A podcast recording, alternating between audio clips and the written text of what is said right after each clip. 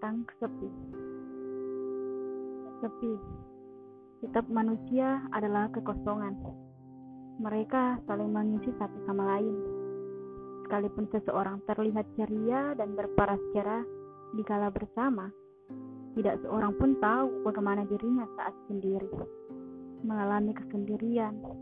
Di waktu dia sendiri duduk di dalam kamar, sendiri sewaktu menunggu bis yang tak kunjung datang, sendiri waktu malam hari yang sepi, sendiri waktu berada di tengah keramaian. Setiap orang adalah kesepian, menutupi kesepiannya dengan berjumpa dengan teman dekat serta kerabat, kesepian yang tidak bisa hilang di kala malam datang, di kala waktu sendiri datang, selalu mencari cara untuk membunuh kesepian, entah dengan cara bercanda atau bicara di dunia maya atau bahkan ada yang memilih untuk membunuh kekosongannya dengan uh, bernyanyi. Teman-teman seperti saya. Kadang saya suka apa ya membunuh kekosongan saya dengan bernyanyi. Entahlah semua itu uh, tergantung dengan diri kita sendiri ya teman-teman. Uh, ada juga tulisan adalah kata-kata kesepian suara yang tidak keluar dan didengar siapa pun, berbicara dengan diri sendiri, atau mungkin mendengarkan diri sendiri. Kesepian adalah keniscayaan. Orang yang terbiasa dengan sepi akan jatuh cinta pada kesepian, sama seperti saya.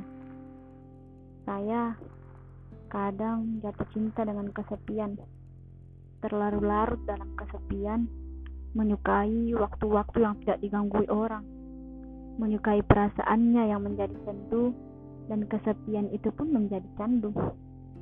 Agak mengherankan ya, memang ketika seseorang begitu menikmati kesepiannya. Laki-laki pun yang terlihat begitu gagahnya, sejatinya adalah makhluk yang kesepian. Perempuan setegar apa pun juga makhluk yang kesepian, seperti saya. Saya perempuan yang tegar, tapi saya juga adalah makhluk yang kesepian. Kesepian yang hidup di dalam hatinya, kekosongan yang tidak kunjung terisi. Aku bertanya pada orang yang selalu lalang, dengan apa mengisi kosong? Dengan apa membunuh sepi? Orang-orang pun menjawab dengan orang lain. Terus aku menjawab, aku tidak suka orang lain masuk ke dalam hidupku.